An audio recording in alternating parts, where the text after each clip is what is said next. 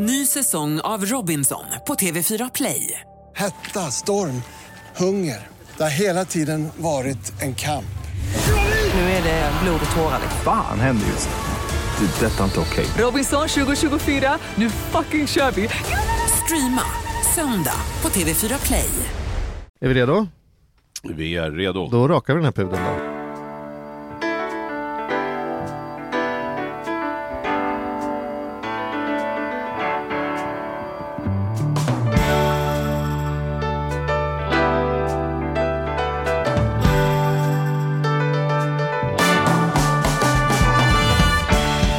Och välkommen till Ekonomi på riktigt med Charlie Mattias, en podcast om ekonomi. Hur är läget med Mattias Andersson?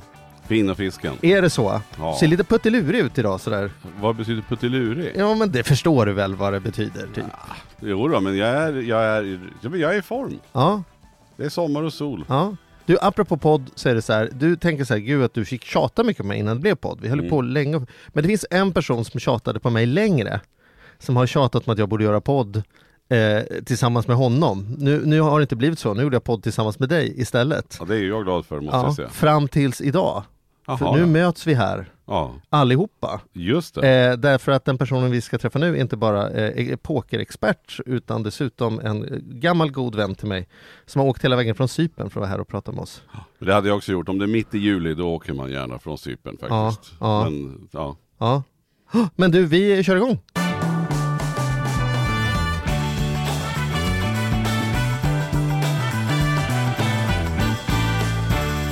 Välkommen in, Erik Rosenberg! Tack, kul att vara här. Hur är läget kompis? Jo, det är bra. Ja. Jag kom till Sverige och började med en sån här liten vårförkylning på något sätt, men det går uppåt. Ja, som ni hör på Erik så är han ju, han pratar inte riktigt ren svenska utan det är cypriotiska ni har i bakgrunden eller, eller Örebromål kanske. Ja, någon sorts bastarddialekt som jag samlar på mig för att flytta runt i halva Sverige. Ja. Men du är ju från Västerås från början. Ja, inte Nej, riktigt, Fällingsbro vet du. Nästan inte där heller. Bastard som sagt var, men, men Västerås, är alltså jag har ju bott 18 år i Västerås. Ja, ja men så för att- mig, för ja. mig är du Västerås Erik. Örebro, Västerås, alltså Gnällbältstrakten där omkring. Mm. Men, När eh, vi växte upp fanns det ett Örebrogäng och ett Västeråsgäng och Erik var ju Örebrogänget. Mest intressant är ju vilket gäng du var med i det, i det här Charlie. det var oklart. Ja. Ja. ja, som ni hör så är det ju så att, att eh, Charlie och Erik känner varandra sedan, sedan länge tillbaks. Vi umgicks som barn höll jag på att säga, fast då trodde vi att vi var vuxna. Vi var ju typ Ton- tonåringar. tonåringar, ja. Och sen så jobbade vi eh, på samma tidning ett tag. Mm, du värvade ju mig mer eller mindre Mm, så. så var det. Sen tog jag ditt jobb när du slutade. Sen slutade jag och lämnade över mitt jobb till Erik. Och döm av min förvåning när Erik hör av sig till mig en dag och säger så här, vet du vad, jag ska sluta göra det jag gör som statistisk analytiker och eh, SIFO och, liksom grejer. Jag ska bli pokerskribent. Ja, det är ju ett annorlunda val måste ju vara. Hur vart det så Erik? Du hade ju... bara för att backa där. Ja. Var det så att Erik, alltså det, det var när du jobbade med statistik och Ja. annat. Och det var där som Erik, du blev värvad och sen tog du över Charlies jobb. Ja precis, vi jobbar ju på en tidning ihop så att eh, Charlie jobbade, du hade ett eh, chefsjobb på den tidningen. Och Ja. jag hoppade in, jag trodde jag skulle bli journalist en gång i tiden. Mm. Och du tänkte så här att... Men eh, Du blev ju nästan det till slut. Ja, någonstans, fast Mm. fel väg in. Men, men Mm. du tyckte väl det var en bra sätt att se en tidning från insidan. Så att jag kom in och var kontorsvaktmästare ett år och sen så gick jag vidare till, via säljet till analysen. Mm. Ja.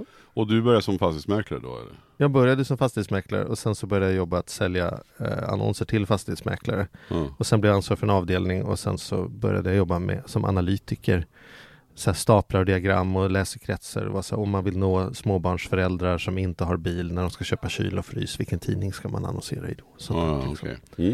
eh, det låter ju inte så kul, men det var jätteroligt. ja men jag tycker poker låter roligare. Men alltså poker, du valde att bli pokerskribent rakt upp och ner. Hur Ja. gick det mötet med dig själv när du sa så här, vet du vad Erik, ska vi inte bara lägga ner detta och bli pokerskribenter? Det var ju en resa dit egentligen. Jag började ju som, alltså Sverige hade ju en pokerboom för, säg 10-15 år sedan ungefär. Mm. Och som många andra, jag har ju alltid varit, jag, både jag och Charlie, vi har ju gemensamt att vi gillar spel i olika former. Mm. Och jag fastnade väl för att testa spela poker Mm. på låg nivå och under pokerboomen då. Sen så, som allt Jag, bara annat jag, säger, gör, jag gillar ju sällskapsspel, inte V75, så vi urskiljer vilken typ av spel jag gillar. jag är inte heller så inne på Nej. V75 Mm. Charlie. Ja, Ja, just det. men, men så, så ni, alltså nu när, ni, när du pratar poker, då pratar du ändå med fysiska kort Ja, i någon precis. form. Texas Hold'em eller, Ja. eller 21 säger jag. Man, kan man Ja men det är Blackjack, det är något Det är annat. Blackjack, det är ja, inte- det är det är något helt poker. annat. Då spelar du kort mot banken egentligen på ett kasino. Ja just det. Eh, Men nej men alltså Charlie som känner mig Poker som... är det, förlåt, Ja. poker det är när man spelar mot varandra i ett, ett gäng. Ja precis, du Ja. sitter och sen får du ett antal kort och sen ska du slå dina motspelare egentligen. Och den Ja. som vinner får potten. Men herregud, det är grundkursen. Vet du inte vad poker är? Jo men jag vill inte, bara för att vi inte ska förväxla, det finns ju Aha. tusentals med olika spel Ja. och grejer och Ja. kasinon och, och just det här 21 är väldigt vanligt Mm. på krogen och sådär. Då tänker jag att vi bara Vän ska 10 bena kör man ut. ofta hemma och sådär. Ja och så bluffstopp lärde jag ju dig för Jag lärde mig bluffstopp för en vecka. sedan. Ja. Nej men, men just därför tycker jag bara för att bena ut för lyssnaren vad, vad vi pratar här. Mm. Ja, nej men liksom. du, du är helt rätt ute. Men du, det finns ju också en poäng i frågan därför att nu för tiden kan du i princip spela olika pokerformer mot banken också. Ungefär som du spelar black, blackjack på krogen. Just det, och även på nätet kan Ja, man precis. spela idag. Så att säga. Eh, så det var ju både, både med kompisarna och sen testade på nätet också. Men var, vi leder från ämnet här. Jag, Mm. jag håller med dig, det var en pokerboom, eller det är ju inte hålla med, det är ju fakta. Man skulle gå och lägga sig, slog på tvn i sovrummet och så satte folk helt plötsligt och spelade poker där Mm. istället för att folk höll på med curling och annat liksom. Så det, det- varför, så här, nu när du kan branschen från insidan, varför vart det så? Varför vart det plötsligt liksom tv-tid på något sånt så här i efterhand kan, tycks ju det lite märkligt att, att pokern liksom bara trillade ner i tvn. Var det Mm, någon fast- grand plan från någon internationell annonsmästare eller liksom hur... Ja, det var det bland annat. Alltså, jag tror att det var en massa olika faktorer som kom samtidigt. Det blev någon sorts uh, Stars Align-grej över det här. Att eh, dels så var det så, att när, det här var ungefär samtidigt som eh, alla reality-shower kom. Och eh, några av de här eh, pokerbolagen som hade växt fram i USA kom ju till Sverige och började promota sig på de här reality-showerna, vilket gjorde att de fick en enorm genomslagskraft. Det var ju en sak. Vad Dels- hette de? Kommer man ihåg dem? Eh, ja, men de första som var stora var ju något som hette Paradise Poker var ju väldigt Mhm. stort. Eh, vi hade ju Best Poker fanns, Poker Stars var tidigt ute, Party Poker. Det fanns en mängd Just olika det. sajter som var Mm. väldigt stora där. Mm. Men vad som hände i alla fall var ju att eh, i samband med att internet växte fram på, på allvar, alltså här, när man pratar om den nya ekonomin vid millenn- vid millennieskiftet, Mm. så kom det ju ny teknik vilket gjorde att bolagen kunde utveckla internetpokern. Och parallellt med det så var det en amerikansk kille som heter Chris Moneymaker som satsade 27 dollar och vann, tror att han vann en miljon dollar i Las Vegas. Exakt samtidigt som det här började kameras ut på tv. Och plötsligt trodde alla människor att de kunde vinna massor med pengar på poker. Och han heter just Chris Moneymaker. Ja. Det, ännu, det som var ännu roligare för killen som hade coachat honom hette Gamble efternamn. Men han Vilken tog sig story. Moneymaker Nej, efteråt? nej Han det hette är innan. helt, han var en amerikansk revisor som hette Moneymaker som spelade lågnivåpoker. Det är genialt. Det här är en fantastisk Ja, historia. det är en fantastisk Ja. Och där någonstans, så de här pokerbolagen sa så här, vi köper in tv-program mer eller mindre gratis och ger till kanalerna så att de börjar sända det här på kvällarna så att Ja. folk fastnar i så här, fan det här med poker är lite coolt ändå. Och sen gick det ju inte att ha firmafest utan att det skulle vara någon typ av poker och folk hade med sig egna chips eh, liksom och, och, och eh, eller vad det heter, marker och ja. Så vart det ju verkligen en pokerboom. Alla skulle spela poker och ganska många på nätet och tänkte så här, det här kommer vara min sidoinkomst. Ja. Enligt den här klassiska 90% av alla bilförare tror att de är bättre än snittet. Så tror jag 90% av alla som öppnade pokerkonto tänkte så här, jag, kommer, jag är smartare än alla andra här. Liksom. Precis så var det. Och skillnaden med poker och många andra spel, menar, om du går ut och spelar eh, golf mot Tiger Woods, då kommer du att förlora. Det är 100% säkert att du förlorar din golfrunda. Mm, mm. Men om du spelar kort mot världsmästaren i poker och spelar en halvtimme mot honom så har du faktiskt en chans att vinna eftersom korten spelar in. Mm. Vilket gör att folk ofta överskattar sin förmåga. Det var en Du sa viktig en del halvtimme, du säger, men efter två timmar så ska det jävligt mycket till för att man, I, nej, efter två timmar kommer du också antagligen vinna, men i det långa loppet så kommer du vara chanslös. Mm. Eftersom sannolikheten går ner ju längre ni spelar. Mm. Ja just det. Så är man, är man jävligt bra på poker så, är, så, så Kommer du vinna så i längden. Kommer man att vinna i längden. Ja. Men man kan ha en illusion när man sätter sig där att fan, jag är lite het, jag har, Ja. jag har tur idag eller liksom sådana här saker. Men, men du då, då tänker jag så här, du är ju en, en hyvens kille, vi har ju träffats ett antal gånger. Eh, och då blir, blir jag lite så här när man hör att du drar iväg och livnär dig på ett spel som totalt dränerar vissa människors ekonomi. Ja, Alltså, ett, ett, du håller på med någonting som, som eh, stimulerar köpberoendet, spelberoendet och, och, och rent ut sagt sätter folk i skiten. Hade, hade Pokerstars, om de finns kvar vet jag inte, men hade de kommit till oss och velat bli sponsorer för den här podden så hade ju vi sagt nej. För att vi skulle tycka att det var liksom så här, nej det känns som om det, är det inte så att väldigt mycket av vinsterna för de här bolagen kommer ifrån olika typer av missbrukare? Eh, alltså väldigt mycket. Jag tror att de som inte är med över uppskattar den siffran som andelen missbrukare som kommer, och framförallt från pokerbolagen. Men du har ju en klar poäng. Och den saken får man ju brottas med. Det är någonting som jag tycker man ska brottas med om man är inne i branschen. Att man har ett ansvar. Det är därför jag sitter här och pratar med er. Ni ringde ju mig och frågade så här, alltså Kommer du vara beredd på att svara på tuffa frågor? Ja absolut, det tycker jag är självklart. Jag tycker att det är min skyldighet. När jag jobbar med det här så är det min skyldighet att göra det. Och som ni säger, vi vill inte ha in ett spelbolag som, som sponsorer. Jag har full respekt för det. Jag har full respekt för alla människor som tycker att vi inte ska ha spel. Jag tycker ju personligen att vi ska ha spel. Jag tycker att spel är roligt och jag jobbar med det här för att jag brinner för det. Och det måste innebära att andra människor också brinner för det. Men med det så får jag ju ta baksidan också och då har jag ett ansvar att att på något sätt försöka balansera det så gott jag kan. Men när du kommer hem då, eller nu är det så uppenbart eftersom ni, du bor med familjen på Cypern och så här, och dit flyttar man ju inte om man inte var FN-soldat på 70-talet eller eller nu i spelbranschen känns det som. Malta. Men, det är också inte många som bor på Malta. Ja, just det. Ja. Men, men alltså på släktmiddagen så här, kan du ibland krypa ihop och vänta med att dra storyn eller är du stolt över att du, att du är det? Nej, jag är jättestolt över det jag gör. Alltså, mm. Eller stolt över det jag gör. Det är väl, alltså, jag har en yrkesstolthet. Jag skulle mm. aldrig jobba med någonting som jag inte hade en yrkesstolthet i. Jag har alltid en drivkraft att jag ska göra det bästa jag kan i alla lägen. Mm. Och jag tror att när det gäller spelbranschen som alla andra branscher, oavsett om man sitter som ni gör och eh, instruerar folk i ekonomi eller om du jobbar i en erotikbransch eller om du säljer bilar eller om du är lärare. Så har du vissa ramar att, eh, att förhålla dig till. Och de ramarna kan ju vara moraliska. Och då tycker jag att alla människor har en skyldighet att ligga så högt man kan i den moraliska ramen. Mm. Det är det som det handlar om egentligen. Jag tror på att om jag kan se mig själv i spegeln och sova gott om nätterna. För jag tycker ändå att jag har en hyggligt hög moral. Mm. Så, så är jag nöjd med det. Och, och vad är det du gör då? Du, du skriver om olika turneringar och spel. Åker åker du runt i världen mycket? Eller är det mycket som utgår från, från Cypern så att säga? Både och. Alltså, första året som jag jobbade reste jag jättemycket. Då reste jag runt i stora delar av världen. Nu blir det rätt så mycket kontorsarbete. Jag, alltså, den formella titeln är väl någon sorts Head of Content för, för sajten poker.se. Mm. Och eh, det är i praktiken att jag är redaktör för sajten. Så när jag inte reser då eh, skriver jag nyheter om poker, jag gör intervjuer med spelare, vi kör kampanjer för medlemmar, vi har ett forum vid sidan av då där vi kör kampanjer om mindre turneringar och så. Men du har varit i Las Vegas tillräckligt många gånger för att inte gå ut på kvällen, eller när du har jobbat klart, då går du och lägger dig. Då ja. inte ut och...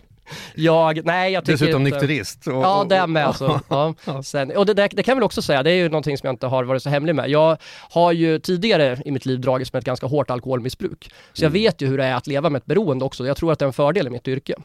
Vad tänker du om, om, ja, om du beroende? tänker att det finns tydliga likheter mellan, mellan ett beroende och ett beroende. Och ja. någonstans där du har suttit i det där så så har du förståelse för de som är även spelberoende? Absolut, jag tror att antingen är man en beroende personlighet eller också är man inte det i grund och botten. Sen tror jag att alltså, vissa saker kan du dra på dig ändå om du volymar det tillräckligt mycket. Ja, så du tror inte att man blir spelberoende för att man exponeras för spel utan du tror att man är en beroende personlighet och då är det pick your poison. Det kan vara alkohol, det kan vara spel och det kan vara sex, kan, eller ja. mer så? Ja, men det, det, tror jag absolut. Jag tror att alltså, om man är beroende av, eller precis, om man har anlag för att vara beroende, mm. då finns det mycket större risk att du får problem med till exempel spelande eller droger eller alkohol eller sex som du sa. Mm. Hur, hur, varför är varför är spel, du som liksom har beroendeerfarenhet och väldigt mycket spelerfarenhet, varför är spel liksom en riskzonen för beroende? Det är ju det är liksom, det är inte så många som är krocketberoende Nej. eller segelbåtsberoende utan det här är ju en av de stora tillsammans med shopping och alkohol och narkotika och liksom så, mat. Men dels så finns det ju en faktisk sannolikhet att vinna mycket pengar, hur liten den är, så finns den ju ändå där. Det är ju liksom ingen bluff att man kan vinna pengar. Sen tror jag folk överskattar det gravt hur lätt det är att vinna pengar. För det är mm. så det är lätt svårt. att förklara för sig själv Alkohol är lite svårare att säga, du vet, ja, men det finns en nubbe på tusen som man blir jävligt fräsch Ja, precis. Finns det liksom inget, men här finns det ändå en på miljonen där man faktiskt kan motivera för sig själv att det skulle ju faktiskt kunna vara så att jag får en hand här som på något sätt räddar upp allt det jag har ställt till i tio år. Liksom. Ja, precis. Och det är ju samma, alltså det, likheten mellan alk alkohol och spel, det är att du söker den snabba kicken. Alltså när du mm. dricker så vill du, du vill ju bli, få den här ruskänslan ganska fort. Mm. När du spelar spel så, om du har en beroende personlighet så vill du få ruschen. Och den tror jag att många tycker, alltså tycker om även när man inte är beroende av det. Alltså mm. man vill ha den här känslan, kicken av att oh shit, jag vann pengar här.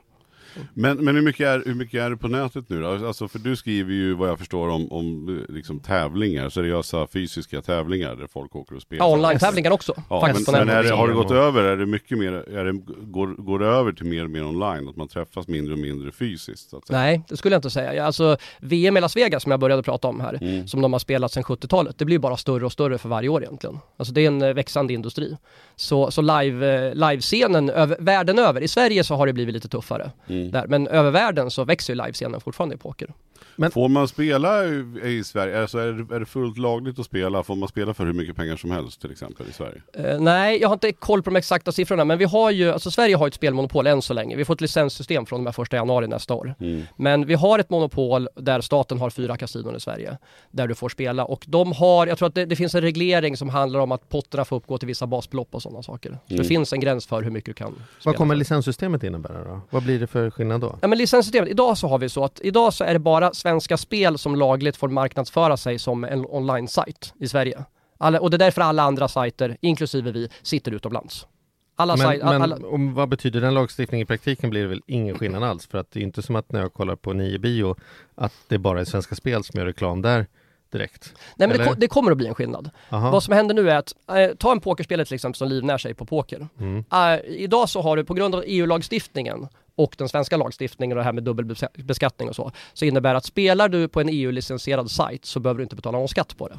Så fungerar det idag. Alla vinster eh, klassas som lotterivinster och är därmed skattefria. Mm. Med licenssystemet så har staten då bestämt för att det här blir en ganska nyckelsak för att få folk att spela på de sajterna som blir licensierade. Då är det bara de sajterna som får licens som kommer att vara skattefria. Det är nummer ett. Mhm. Nummer två, de eh, sajter som vill ha den här licensen kommer att bli tvungna att sål, äh, sålla sig in i det svenska systemet för reklam. Där man till exempel sätter mycket hårdare regler för hur du får göra reklam, vad du får säga i en reklam, vilken typ av erbjudanden, och kampanjer och bonusar du får erbjuda kunderna. Det kommer att sållas ut rätt hårt och många oseriösa aktörer kommer att försvinna. Men vad säger man i branschen? Är man sugen på en licens eller, eller tänker man så här, ah, annars kör vi väl vidare som det är ändå, spelar roll. Då, folk har väl ingen koll på om det är skatt eller inte. Eller är man, är det som med radiomonopolet när det släpptes att det verkligen är folk gör allt för att komma över en sån här liksom, licens? Liksom, är, det, är det hetsigt i branschen kring licenserna? Är det här en stor grej? Ja, det är en stor grej och jag tror och hoppas, alltså jag är en av de som är för en licens ur, ur aktörernas synvinkel för att rodda upp i det här träsket. För att jag tycker att, alltså som du pratade om det här med reklamen på, på tv och bio och sådana saker, det är inte hållbart som det ser ut nu. Det är ju, alltså idag får du i praktiken säga nästan vad du vill i en radioreklam om du sänder den från, från London. eller Ja men plus att den sänds ju hela tiden. Alltså om, Ja. du, har, om du kollar på en kommersiell kanal och, och, och, och ser så är det ju liksom, det är så mycket reklam om, om, om poker och grejer som man undrar om det till slut funkar. Liksom. Ja. ju- Ja men hur är det med det? Det där måste vi väl ändå prata om. Att det liksom är ju Det känns ju om man går in nu från solen mitt i sommaren och unnar sig en nio bio med en deckare här att hälften av all reklam är reklam för olika typer av, av bettingsajter och pokersajter. Eh, och det är den ena med, med, med snabbt i mobilen och till eh, trovärdigt med älgar till till och med reklam för sånt som ska hjälpa dig att välja vilken pokersajt du ska använda. Det är liksom så, här. så finns det verkligen en affär är det vinster de använder eller, eller hur har man råd att köpa? Jag vet ju vad det kostar att köpa en minut reklam. Får man in så fruktansvärt mycket pengar eller är det här någon gambling att man satsar en massa riskkapital i förhoppning om att ta marknadsandelar för att sen casha hem på det här liksom? Alltså det är klart att det är, det är blandat. Alltså att vissa av de mindre sajterna tror väl att, precis som med spelarna, de tror att det ska gå att vinna mycket pengar, så kommer det många nya sajter som har en övertro på att det ska finnas pengar att plocka. Men de stora sajterna, man ser till exempel Pokerstars och sådana, de har ju massor med pengar. Alltså där finns det ju garanterat hur mycket pengar som helst att hämta. Om vi tar den, det bolaget nu som hade kontrakterat Zlatan som syns, alltså affischerade i hela Stockholm till exempel. De har ju definitivt råd att betala de summorna. Och de räknar ju på att kunna räkna hem det, det är jag övertygad om. Mm. Men, men då är det ju så här, där lockar... Vänta, jag har en fråga där, får jag Ja. kliva på? Ja. Här är en klippning Petter. Men apropå Zlatan då, det, det, det var, har varit andra idrottsstjärnor som har gått ut nu och det har faktiskt blivit lite debatt, debatt om det där. Äh, hur okej är det att ställa upp som ansikte för vilka produkter som helst? Och det är både skådespelare och musiker och, och sport, sportprofiler som har gjort detta. Liksom, finns det något att säga, säga om det där? Äh? Liksom att man köper trovärdighet via stjärnor och att vi kanske börjar hamna i en situation där folk har åsikter om vad stjärnorna lånar ut sig själv till. Liksom. Ja, absolut. Men personligen så tycker jag att eh, det är ju, alltså varje sak du, du lånar ut dig själv till. Jag menar, lånar du ut dig själv till BMW och de står för en skandal till exempel så kommer Mm. du få en åsikt om det. Mm. Det är upp till varje människa och den personens egen moral tycker jag att ha den åsikten. Vad gäller Zlatan specifikt så jag tycker ju att jag sitter i fel båt för att döma honom Mm. såklart. Mm. Men alltså, jag tycker att det ser väldigt konstigt ut när eh, eh, en massa människor går ut och kritiserar Zlatan för att han är med ett spelbolag och sen så har eh, vårt landslag gjort reklam för Svenska Spel i 15 år och ingen överhuvudtaget nämner det. Mm. Eller kvällstidningar som går ut och kör hårda kampanjer om spelmissbruket och så och sen så vet vi att den stora delen av deras reklamintäkter kommer också från spelkampanjer. Just det. Men hur mycket bättre är Svenska Spel än, än den där läskiga där ute på djupt vatten? För vi har ju någon bild i Sverige liksom att Svenskt kött är bättre än utländskt kött och svenska bilar är bättre än andra bilar och svenska spel, då är det ändå schysst och rek och jämförelse med annat. Eller, Ja. Det är ändå liksom någon sån här bild där ändå. Alltså Svenska Spel ligger ju såklart mycket, mycket högre än de oseriösa aktörerna på marknaden. Men det som jag tycker försvinner i debatten, det är att jag tycker att det finns privata aktörer som är lika bra som Svenska Spel. Och Mm. därför tycker jag, välkomnar jag det här licenssystemet. För att jag vet att det finns andra aktörer som gör det här precis lika bra som Svenska Spel gör. Mm. Mm.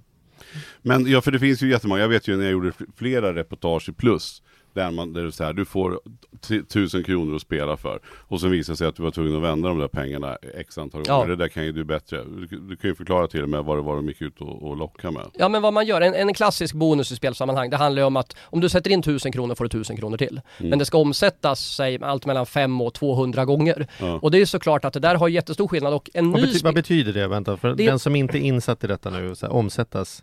Ja, säg att du sätter in 1000 kronor så. Jag sätter in tusen, Ja. så får jag tusen. 2000, på ditt konto får du en tusenlapp till direkt. Ja, Men de där pengarna kan du Då tar jag ut de 2000 och så går jag på bio. Men det kan du inte. Dina Nej. pengar är låsta. Mhm. Du måste spela för dem ett antal gånger och, och att omsätta dem på sajten, på spel ett antal gånger. Så jag måste spela upp mina 2000 och sen blir det vinst på det förhoppningsvis. Ja. Och de pengarna kan jag ta ut. Plus de 2000 om du har omsatt det tillräckligt mycket. Och då är det inte en gång utan jag måste kanske göra det fem gånger eller Ja, tio exakt. gånger. Eller snarare det 50 gånger. är. 50 Ja. gånger. Och det där är ju väldigt olika och problemet här kan jag tycka, det är ju att väldigt många nya spelare förstår ju inte det här med omsättningskraven. De som spelar mycket, alltså de som jag känner som håller på aktivt med sportsbetting och poker, de kan ju räkna på ett omsättningskrav och se direkt, är det här en bra eller dålig bonus? Men gemene man har ju väldigt svårt att tolka det. Mm. Och det är det här som licensieringen kommer in, att man kan se då hur, alltså, hur får du göra reklam och hur skälig får en bonus vara Ja, egentligen? och så gör ju då inte, vänder jag mig till Charlie, så gjorde ju då inte Svenska Spel till exempel. Det är spel och det är spel, du kan bränna pengar hur mycket du vill. Mm. Men det finns ju ändå inte rimliga, alltså lockelserna är ändå inte Det finns inget så incitament att man, om man spelar för mer så blir det bättre. Utan- Men, får jag skjuta in här Mattias? Ja, ja, nej och jag är ingen Ja. expert, jag bara vet att, att Ja. när, vi, när vi var ute och Mm. gjorde ett par reportage, var ju väldigt många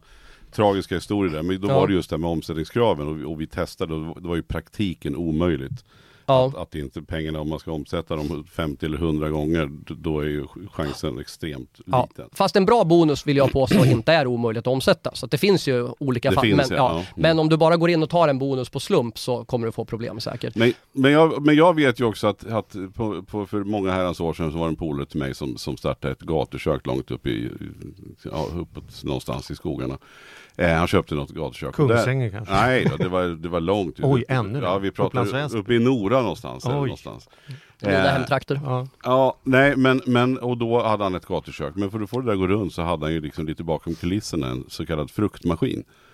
Eh, som stod där. Och dit kom ju många och spelade. Den stod när han tog Vad är över. en fr- Ja, fruktmaskin? du tänker en sån här vanlig maskin, du går fram och trycker, sen så kom, är det fyra eller fem stycken rullar. Och så får du fem apelsiner på raken så Ah. ja, vinner ja, ja. En Det- så kallad det- enarmad bandit Ja, fast med knappar liksom. Ja, jag förstår och de det. fanns även med poker. fanns med bara på spelkort. Ålandsbåtarna när jag var liten. Ja just det. Men där det Mm. kunde du ju också casha in. Men där fanns det ju en sån här, på den mekaniska goda tiden då, så var det ju en ratt. Så att när han nyetablerade och sa att nu har jag en ny fruktmaskin, då vred han in den där så att det vart oftare vinst.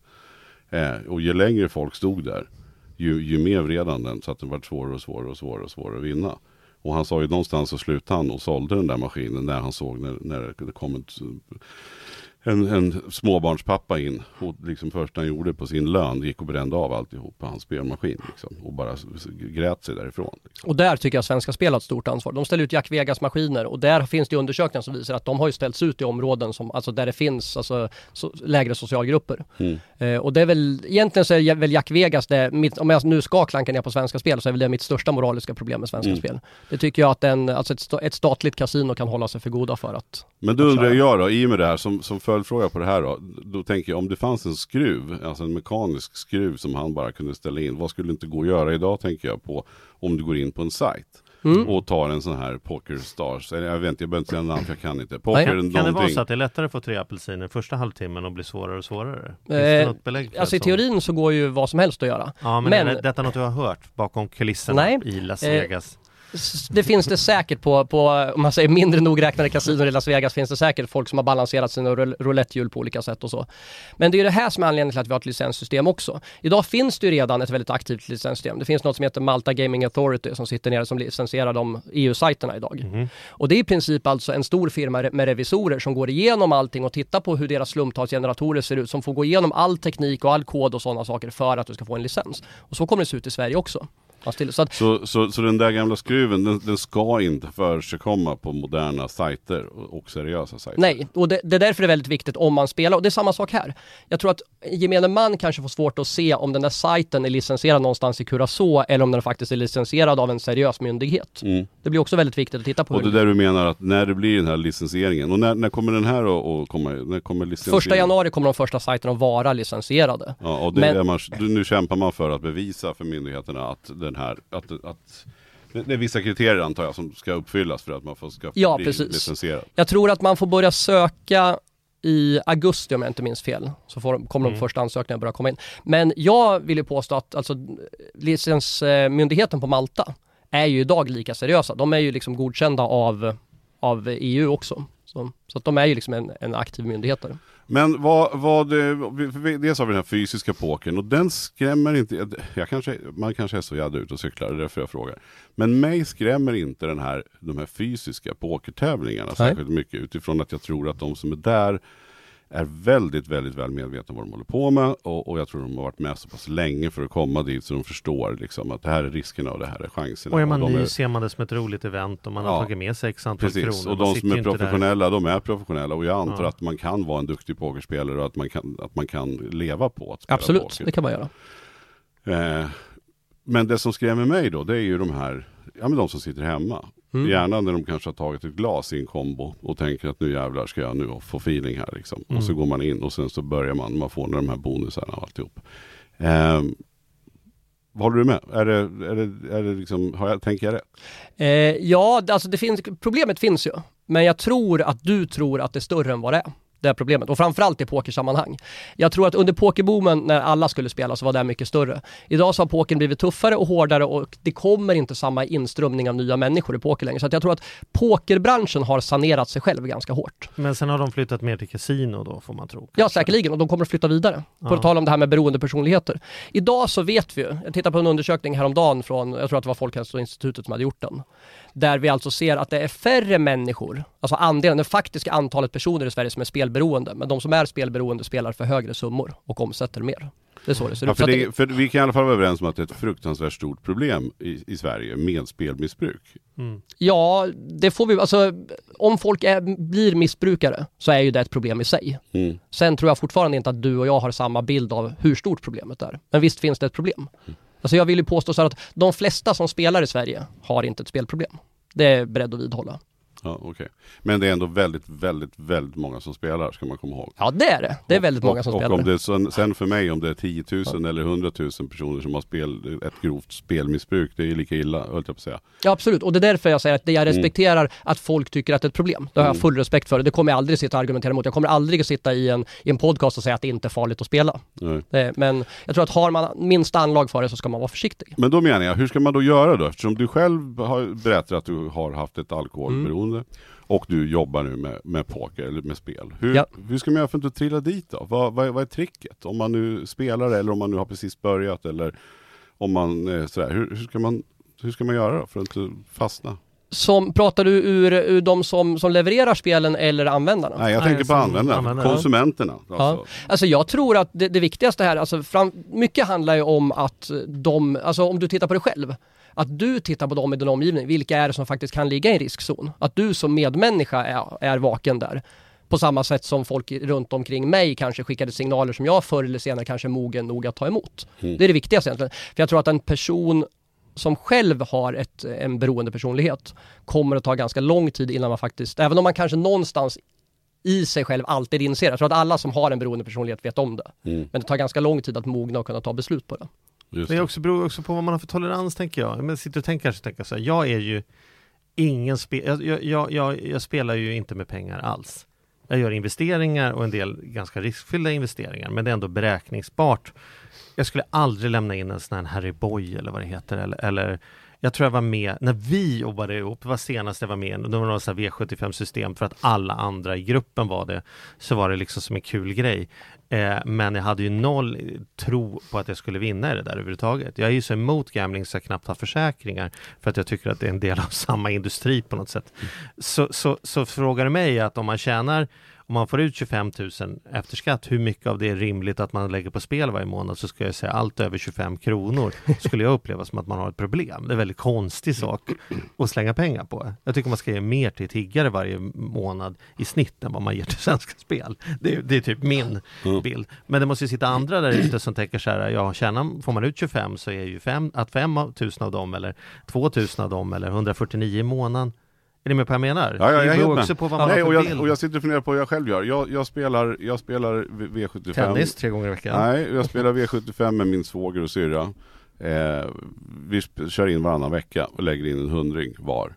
Eh, så. så jag spelar ju alltså då för 50 spänn i veckan. 50 spänn i veckan. Ja, och sen har jag en kompis som jag oftast gör samma sak med. Så då är jag uppe i en hundring i veckan.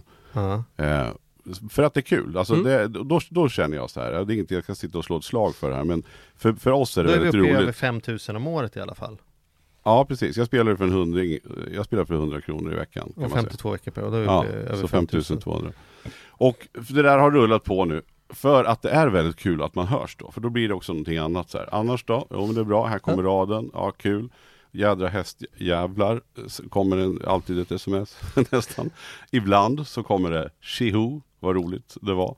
Och sen så Men sitter du då, skickar ut barnen i trädgården och så sitter du så här, bom, bom, kollar på så här, nu springer de tredje Nej, loppet här. nej, nej. nej. Men du har ju redan, ring, du har ju redan ringat in någonting här Mattias. Ja, för att det där är ju, alltså som jag började den här diskussionen, så gör jag det här för att jag själv tycker att det är kul med spelande. Mm. Och när du säger så här, det, ja, det är orimligt, eller du, i din värld så är det Mm. orimligt att lägga mer än, vad sa du, 25 kronor? Ja. Ja. Om Ja. du är alltså en svensk vanlig eh, förvärvsarbetare och får ut 20 000 efter skatt. Är det då rimligt att lägga 1000 spänn på krogen på en fredagkväll? Jag säger Mm. inte att det inte är det, men det är Mm. alltså den diskussionen. Jag tror att ni låser er lite för mycket för att det är spel. Mm. För att de, de, merparten, även om vi kan konstatera då att det finns en stor alltså, grupp med problemspelare, så Mm. merparten spelar ju för att det är kul och då bestämmer man sig för att jag spelar för så här mycket för att jag tycker det är roligt. För mig Mm. så är det ett nöje som för alla andra, men precis som med krogmiljön så finns det en problematisk baksida. Mm. Så ja, men det, handlar- det var ett väldigt bra argument tycker jag. Mm. Poäng till dig där, för att så, så är det för mig. Jag, jag klassar in spel som att jag inte får något för pengarna Ja.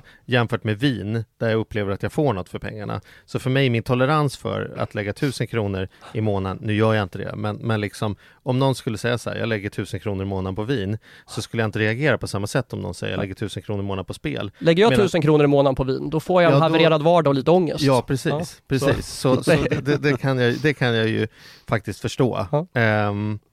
Ja, det, där, det är intressant. Det är intressant. Men, Mm. men spelar du, eftersom du nu, du måste ju kunna mycket om spel. Ja, du måste kunna ju vinna vara- varenda du- turnering, Du måste ju vara duktig, alltså om du skulle, alltså du kan ju det här, du kan ju det. Ja. Sp- Spelar du? Ja, det gör jag såklart. Och jag tror att alltså, man måste ju spela för att kunna förstå spelet. Du kan inte sitta och vara alltså, vinskribent om du inte vet hur vin smakar och kan känna skillnad på olika viner. Det är ganska självklart egentligen. Mm. Och det är i alla fall inte en bra vinskribent. Jag skulle Mm. också kunna skriva om vin men folk kommer genomskåda mig ganska snart. Ja. Fast nästan alla börsskribenter i världen ger ju råd som inte funkar i alla fall. Så att eh, det går ju uppenbarligen i vissa branscher. Ja, det är möjligt. Ja. Fan, Bejas och Lagaron kommer få sin revival tillbaks. Och, Ja. Marinella, ja, nej, vi ska Men- inte sitta och dra på varumärken som vi inte, som vi inte får betalt för. Nej. Nej, Nej, men, men- men vadå, du spelar spelar, men vad spelar du då? Alltså jag, jag spelar på allt möjligt. Jag, eller allt möjligt, nu låter det som att jag sitter här och... Alltså jag spelar för relativt små summor. Jag spelar för pengar som jag har råd att förlora. Men spelar du poker då eller satsar du på vem som ska vinna Melodifestivalen och om det kommer vara regn imorgon? Och... Eh, I teorin ja. Nej, jag, jag spelar på, egentligen på två saker. Jag spelar poker eftersom det är mitt eh, Jobb. ja, bröd och smör så att säga. Mm. Och sen så spelar jag faktiskt, jag sportspettar på hockey för det är det jag kan. Och det är ju väldigt enkelt. Det är den, den delen som jag tror att jag har en edge att faktiskt, om inte vinna mycket pengar så i alla fall inte backa speciellt mycket på. För du är såhär NHL-tokig. Ja, precis. Jag är fanatisk. liksom, Erik har någon hockeyintresserad. sån här NHL-ADHD också, det kan vi också göra ett Ja. avsnitt om du skulle vilja. Så, din fråga är, jag tror, jag tror att du, det var någon fråga här vinner om... Stanley Cup nu? Eh, alltså, jag sa Vegas för ett tag sedan, ja nu vill jag nog överväga att det är Washington. Vi kan väl hoppas på Washington för jag har någon sorts vad utom att jag ska raka av allt hår om Vegas vinner. Ja. Ja, ja då får vi hoppas det. Eh, Men jag tänker också att det kan väl vara roligt faktiskt för, för den gamla Gävlebon att få. Han, han spelar nio säsonger nu va? Ja verkligen och framförallt eh, ryssen då, Alexander Ovechkin Ja. är ju också, jag tycker att de, de har jobbat in den där faktiskt. De Ja. har jobbat väldigt länge och haft det tufft när de väl har kommit till slutspel och varit så bra så länge. Oj förlåt, jag sa det. Förlåt, ja, förlåt, är ja. jag tillbaka. Nej men det vore kul för Becky. Samtidigt så är det kul med de, med de svenska de eh, svenskarna i Vegas också. Ja, William Karlsson har ju varit helt- ju varit eh, helt fantastisk. Det är galet. Ah, ja, Okej, vi släpper den. Ja, så här mycket, och då, så, men det, bra, då, det, bra, bra, det är så här, så du kan skitmycket om hockey, uppenbarligen, det vet jag. Ja. Hade, hade det varit, vi hade varit med så här, vem vill bli miljonär och sen så hade du, jag fått ringa en kompis på hockey, då hade jag ju ringt dig och bara vetat att du hade haft svaret. Ja. Eh, så hur mycket vinner du i, på hockeybetting då? Hur många tusen i månaden drar du Nej in men alltså på jag, denna jag, jag, drar unika inte, jag drar inte kompetens? in så mycket därför att jag spelar inte för så höga summor. Men vad Men- sätter men du på? Är det på resultat du sätter på? Eller vad Jag du brukar, på? nej men jag brukar spela på, det, det, min, min, mitt favoritspel är något som kallas för Asian Handicap. Där du alltså spelar, du kan spela till exempel minus en och en halv på ett lag. Det innebär att laget måste vinna med mer än ett och ett halvt mål. Och det gör du ju för att öka oddset. Alltså ju, för att det blir svårare för dem att få in det här spelet. Mm. Men det innebär ju att du oftast tror att det här laget har det överläget. Så att jag spelar aldrig på till exempel att det ska bli 2-1 i en match eller att Alexander Ovechkin ska göra två mål. Det finns ju den typen av spel också. Men hur mycket gör du vinst? Jag vill höra siffran. Ja. Hur mycket gör du vinst på ett år? För jag tänker så här, om inte du drar ihop mer än, än, än ett par hundralappar per år eller så, så då borde ju ingen göra det, för du kan ju verkligen allt. Ja, men om, om du säger så här då Charlie. Ja. Eh, jag kommer inte att ge dig en fast summa. Nej. Och det är jag inte för någon annan heller. För att Nej. jag tycker att det är min ensak vad jag lägger för summor. Men mitt sni- min snittvinst över den senaste säsongen över 600 spel är ungefär 5% per spel. Mm. Så kan man ju räkna själv på det. Så, du har 5% avkastning? På varje spel jag lägger ungefär i snitt, i snitt den senaste säsongen. Ja, det, det är ju inte dåligt med tanke på att du kan återinvestera den vinsten om och om igen. Ja precis, jag kan ju få Ja. in flera spel om dagen om det är så också. Men då får man jobba för det. det. Alltså gemene man kan ju inte komma och tro att man ska ha 5% bara på att man liksom slumpar någonting. Utan det krävs ju lite arbete att man får läsa på och läsa. Jag har ju fördel av min, min bakgrund som statistiker här också. Ja. Att jag tittar väldigt mycket på statistik kombinerat med att jag tittar på Men om du kör poker då? Kör du den, sitter du vid ett fysiskt bord eller sitter du och kör mot datorn? Jag önskar att jag skulle kunna sitta mer vid ett fysiskt bord. Men Mm. med tanke på att jag i princip lägger 40 timmar i veckan på att jobba med poker så blir det svårt att motivera för, för frun hemma att nu ska jag iväg och spela poker. Så det blir väldigt få gånger per år. Så att Men jag, jag om du gör det, blir hon nervös när du ska åka? Nej, hon har nog förtroende för mig nu. Och alltså, jag brukar skoja om och säga så här, jag är glad att jag hittade spelet efter att jag la med spriten. Så jag tror att hon har förtroende för att jag liksom har koll på vad jag spelar. Men vad kännetecknar en bra spelare då? Kan man få några sådana nycklar för liksom, hur ska man vara? Man ska helst inte vara en beroende personlighet, så mycket har vi kommit fram till. Nej, men det går... Men vad ska man vara då? Alltså liksom? det går ju att vara en beroende personlighet om du har tillräckligt bra självinsikt. Men du Mhm. ska inte, alltså det finns ju folk som är beroende personligheter som håller i schack. Mm. Men det är, det är ingen fördel kan man väl säga. Eh, den största fördelen skulle jag säga, det är tålamod. För att det är, Mm. där är min brist. Du var inne lite på om jag är en bra spelare eller inte. I teorin så vet jag ju hur man spelar poker. Jag har pratat med världsspelare i tio år. Jag känner personligen väldigt många av världens bästa pokerspelare. Men jag är för dålig själv och det har med tålamodet att göra. Jag är för momentan i, mitt, i hela min personlighet. Du går all in för tidigt. Ja, jag tröttnar helt enkelt Ja. och, och liksom tar beslut som jag egentligen skulle kunna sitta en minut till och fundera på och veta att de är ganska dåliga. Så tålamod är en sak och sen så måste du vara matematiskt lagd. Folk tror så ofta när man inte spelar poker att det handlar så mycket om att bluffa och pokerface och de här bitarna. Men matematiken ligger så otroligt långt före. Att kunna räkna på sannolikheter och odds. Vad du har för chanser. Det måste komma upp tre kort och så ska man säga just nu har jag 17% chans att vinna. Han bettade borta, då skulle jag gissa att, att han kanske, att vi är nere på 6% på mig, då ska jag lägga Alltså man, man, borde, man måste vara så här Alltså Rain man, Man man huvud, räknar liksom. korten helt enkelt? Ja, egentligen så handlar alltså många tror ju så här att, att man, du och jag sitter och spelar mot varandra och att jag då kan, om jag är en världsspelare kan jag sätta det så här, men nu sitter han med två nior eller en S-kung på handen och sådär. Och så funkar inte den moderna tävlingspokern, utan Nej. det funkar så att om du och jag sitter och spelar och jag är en riktigt bra spelare och jag vet, och jag vet att du är en riktigt bra spelare, då vet jag att när du gör ett visst spel, då lägger jag in din, din potentiella hand i en range där jag vet att så här är din sämsta möjliga hand du troligen kommer att spela med. Och det här är din bästa möjliga hand. Och sen lägger jag på lite bluffar som jag vet att du kommer att ha också. Du kommer att spela några av de här händerna exakt med ingenting. För att balansera upp för att jag inte ska kunna läsa sönder dig. Och sen räknar jag den statistiska sannolikheten för att min hand slår din range och inte den specifika handen. Men pågår ett pokerspel tills någon har fått alla pengarna? Är det så det... Nej, Det finns väldigt många olika varianter. Det finns två, vad är, vad är vanligast i VM till exempel? Nej, VM spelar man bara i turneringssammanhang, då är det precis som du säger. Ja. Man spelar tills det finns en person som har vunnit alla markerna. Men 15% av fältet kommer att dela upp prispotten mellan sig. Där den första av de här 15% får minst pengar och den som vinner får mest pengar. Det blir en st- stegrande skala. Ja, man delar med sig till de andra. Eh, Och ju längre man har kommit, ju bättre är det så att säga. Ja, precis, det kan man säga. Men däremot så om du bara går in på ett kasino, om du åker till Monte Carlo eller Las Vegas, Mm. då kan du också spela något som kallas för cash game. Då köper du in för kanske, du kanske betalar 2000 kronor. Mm. Då får du ett värde av 2000 kronor i marker. Du kan när du vill resa ifrån bordet och växla in där du har kvar till motsvarande summa. Så att det kallas för cash game och det spelas inte i tävlingssammanhang då.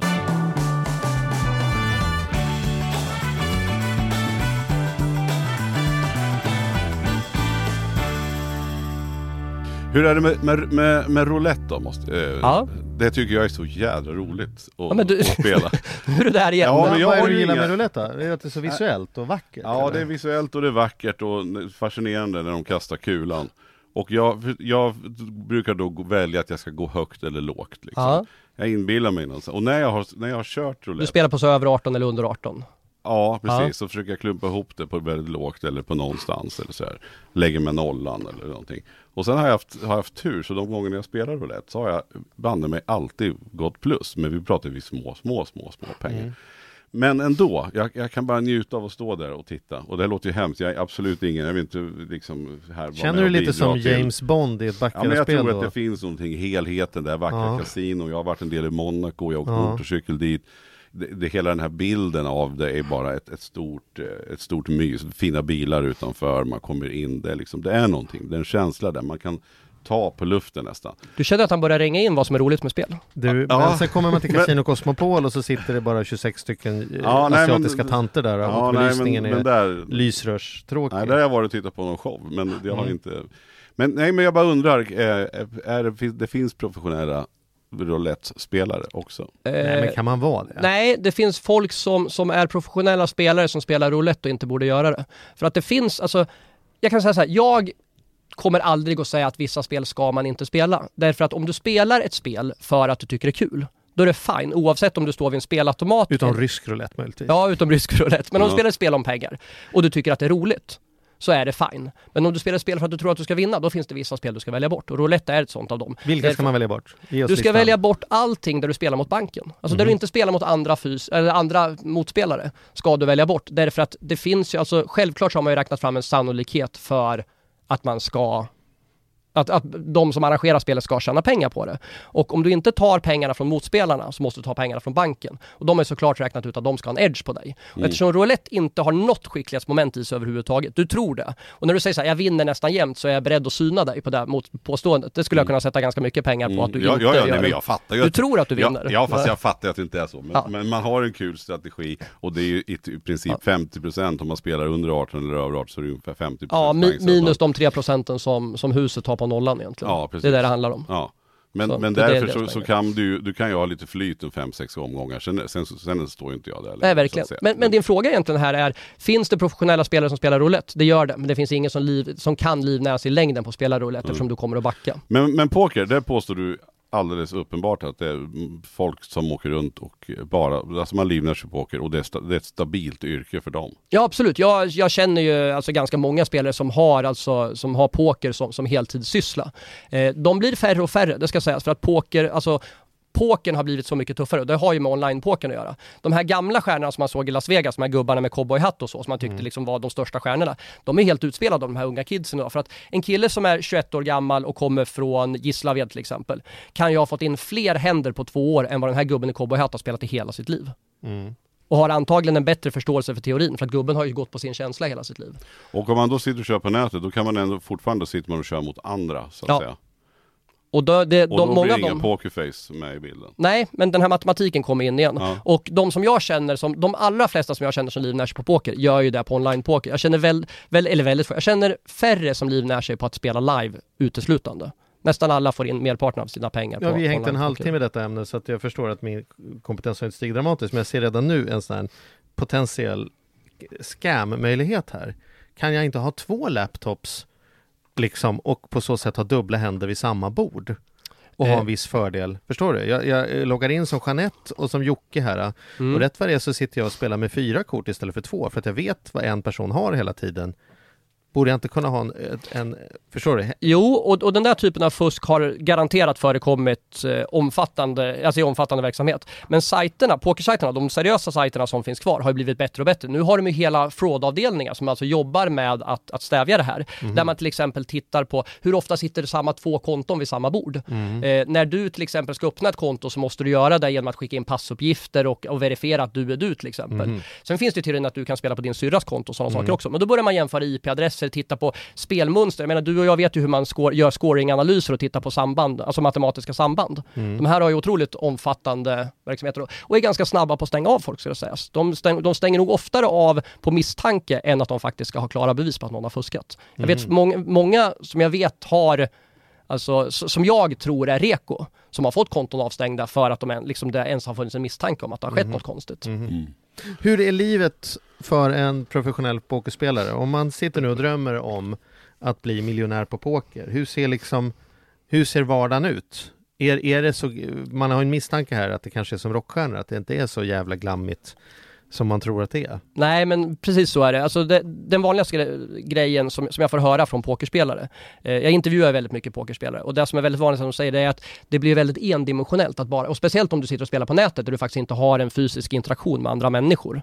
Så blir det väldigt endimensionellt. Så många av dem har ju kommit på att man måste dels kombinera det med ett ganska hälsosamt liv, att man tränar mycket och rör på sig mycket, försöker komma ut ganska mycket och sen faktiskt skaffar sig någon sorts social tillvaro utanför, utanför pokerspelet. Men annars handlar det väldigt mycket om att de, alltså, de har ju en, rutin att de vissa dagar spelar, man går upp, man sätter sig vid dator och sen spelar man, vissa spelar tre timmars pass, andra spelar jättelånga 12 timmars pass. Så det är lite olika från var, från var Men för det finns någon bild tänker jag om att jag är professionell pokerspelare, det betyder att jag tar min lustjakt och lägger till i Monaco en gång i månaden och sen så drar jag på mig smoking, går in på kasinot, tjänar min miljon och går ut igen.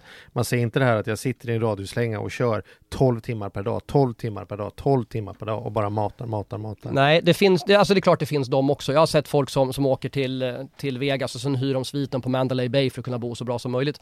Men de flesta av dem som jag känner som spelar professionellt i Sverige, som ändå spelar högt, Mm. de försöker spara väldigt mycket pengar på resorna och boendet. De kan till exempel knö in sig trea i ett, i ett hotellrum, alltså skaffa ett lite större hotellrum, beställa in extra säng för att spara på de här kostnaderna. För för dem så är ju det en onödig utgift. De ser sig själva som företagare. Och då finns ju ingen anledning att ha för höga overheadkostnader på en sån sak egentligen. Även det- om jag vore en riktigt, riktigt bra analytiker och hade den här uthålligheten och sådana saker. Så tänker jag svagheten som talar emot en karriär som professionell pokerspelare, det är att jag måste sitta där. Mm. Jämfört med, om du då är vä- världens bästa pokerskribent, då kan du skriva din artikel och åka hem, så kommer folk läsa den i veckor, eller Mm. lyssna på den här podden kan man göra när som helst. Men en pokerspelare slutar ju tjäna pengar i det ögonblicket han loggar av, Ja. tänker jag i huvudsak. Förstår du vad jag menar? Ja. Jämfört med liksom, jag byggde ett bolag med den här intelligensen, eller jag byggde en pokerkarriär.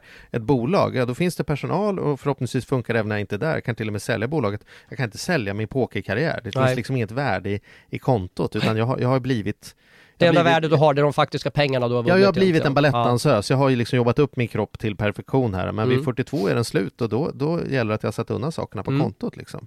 Ja men, nej, men du har helt rätt och det är egentligen därför, alltså väldigt många av de som har slutat, för jag känner många som har lagt av med pokern också, är inte alltid för att man känner att man kanske inte har den edgen eller är vinnande längre, utan det handlar väldigt mycket om att man tappar sugen för spel. För som du säger, man sitter väldigt mycket och bara spelar. Och jag tror att det är väldigt viktigt att man faktiskt tycker det är kul att spela. De som fortfarande är duktiga, alla de har det gemensamt att de tycker att det är roligt att spela poker. För tycker du det är tråkigt att spela poker, då tror inte jag att du kan vara bra på det. Men hur stor chans, alltså du, här, du har precis liksom verifierat nu att det finns, man kan, man kan, är man tillräckligt duktig och håller på tillräckligt Mm. länge så kan man, då kan man leva på det. Mm. Och tjäna pengar och gå plus liksom så. Men hur, hur långt måste du, hur, hur länge måste du hållit på? Hur stor är chansen kan vi säga? Hur stor är chansen att någon som aldrig har ägnat sig åt poker, tycker det är kul att spela, går in och börjar köra på olika sajter. Hur stor är chansen att, att man kommer att vinna pengar? Alltså att, att man kommer att ha mer pengar efter ett år än, än inte så att säga. Om du inte aktivt gör någonting för att bli bättre, mer än att bara sitta liksom vid din dator. Ja, du känner såhär, fan jag har torskat en tusen, jag tar igen den här nu. Ja. Liksom. Då, är, då är chansen väldigt liten att du kommer att vinna pengar i längden. Det är, det är, alltså det är helt eh, tveklöst. Den är Mm. väldigt, väldigt liten. Eh, Det vore hål i huvudet helt enkelt. Att börja tro att man kan, bara för att man har en taskig ekonomi och sen går man in och tänker jag försöker ta igen det här nu.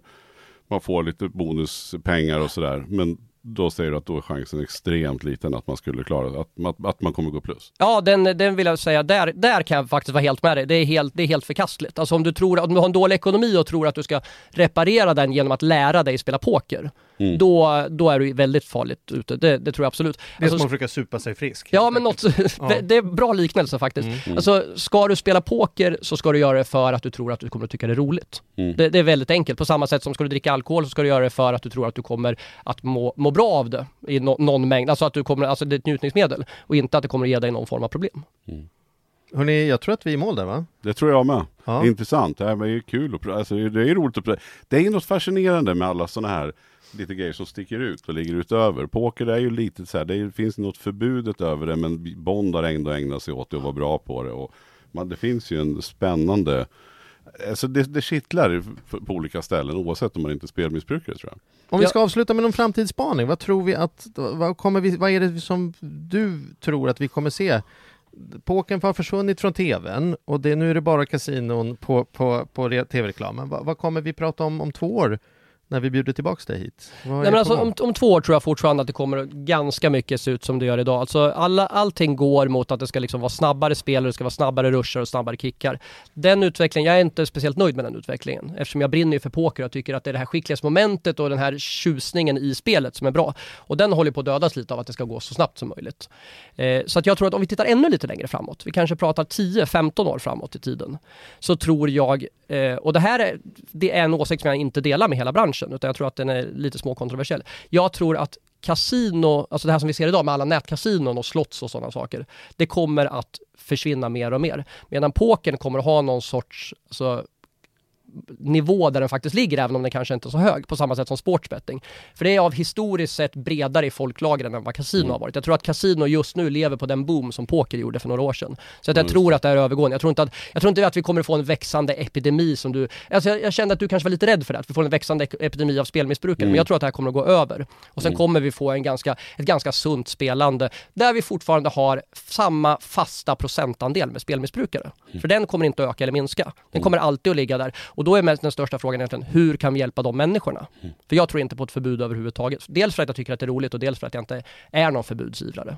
Här risken är väl att det kommer andra ställen, att man, andra olagliga eller att andra sätt Ja. att spela bort pengarna på. Så är det. Och det kommer ju komma nya saker hela tiden. Det kommer någon ny trend som... Alltså, när du frågar så här, vad ser vi om några år? Ja, hade jag vetat det, då hade jag inte suttit här utan hade tjänat pengar på den trenden. Det är det som är grejen, att någon har ju kommit på det här som, som var före de andra. Bra hörni. Häftigt. Stort tack, jättekul att ha det här Erik. Ja, vad kul att jag fick komma. Tack!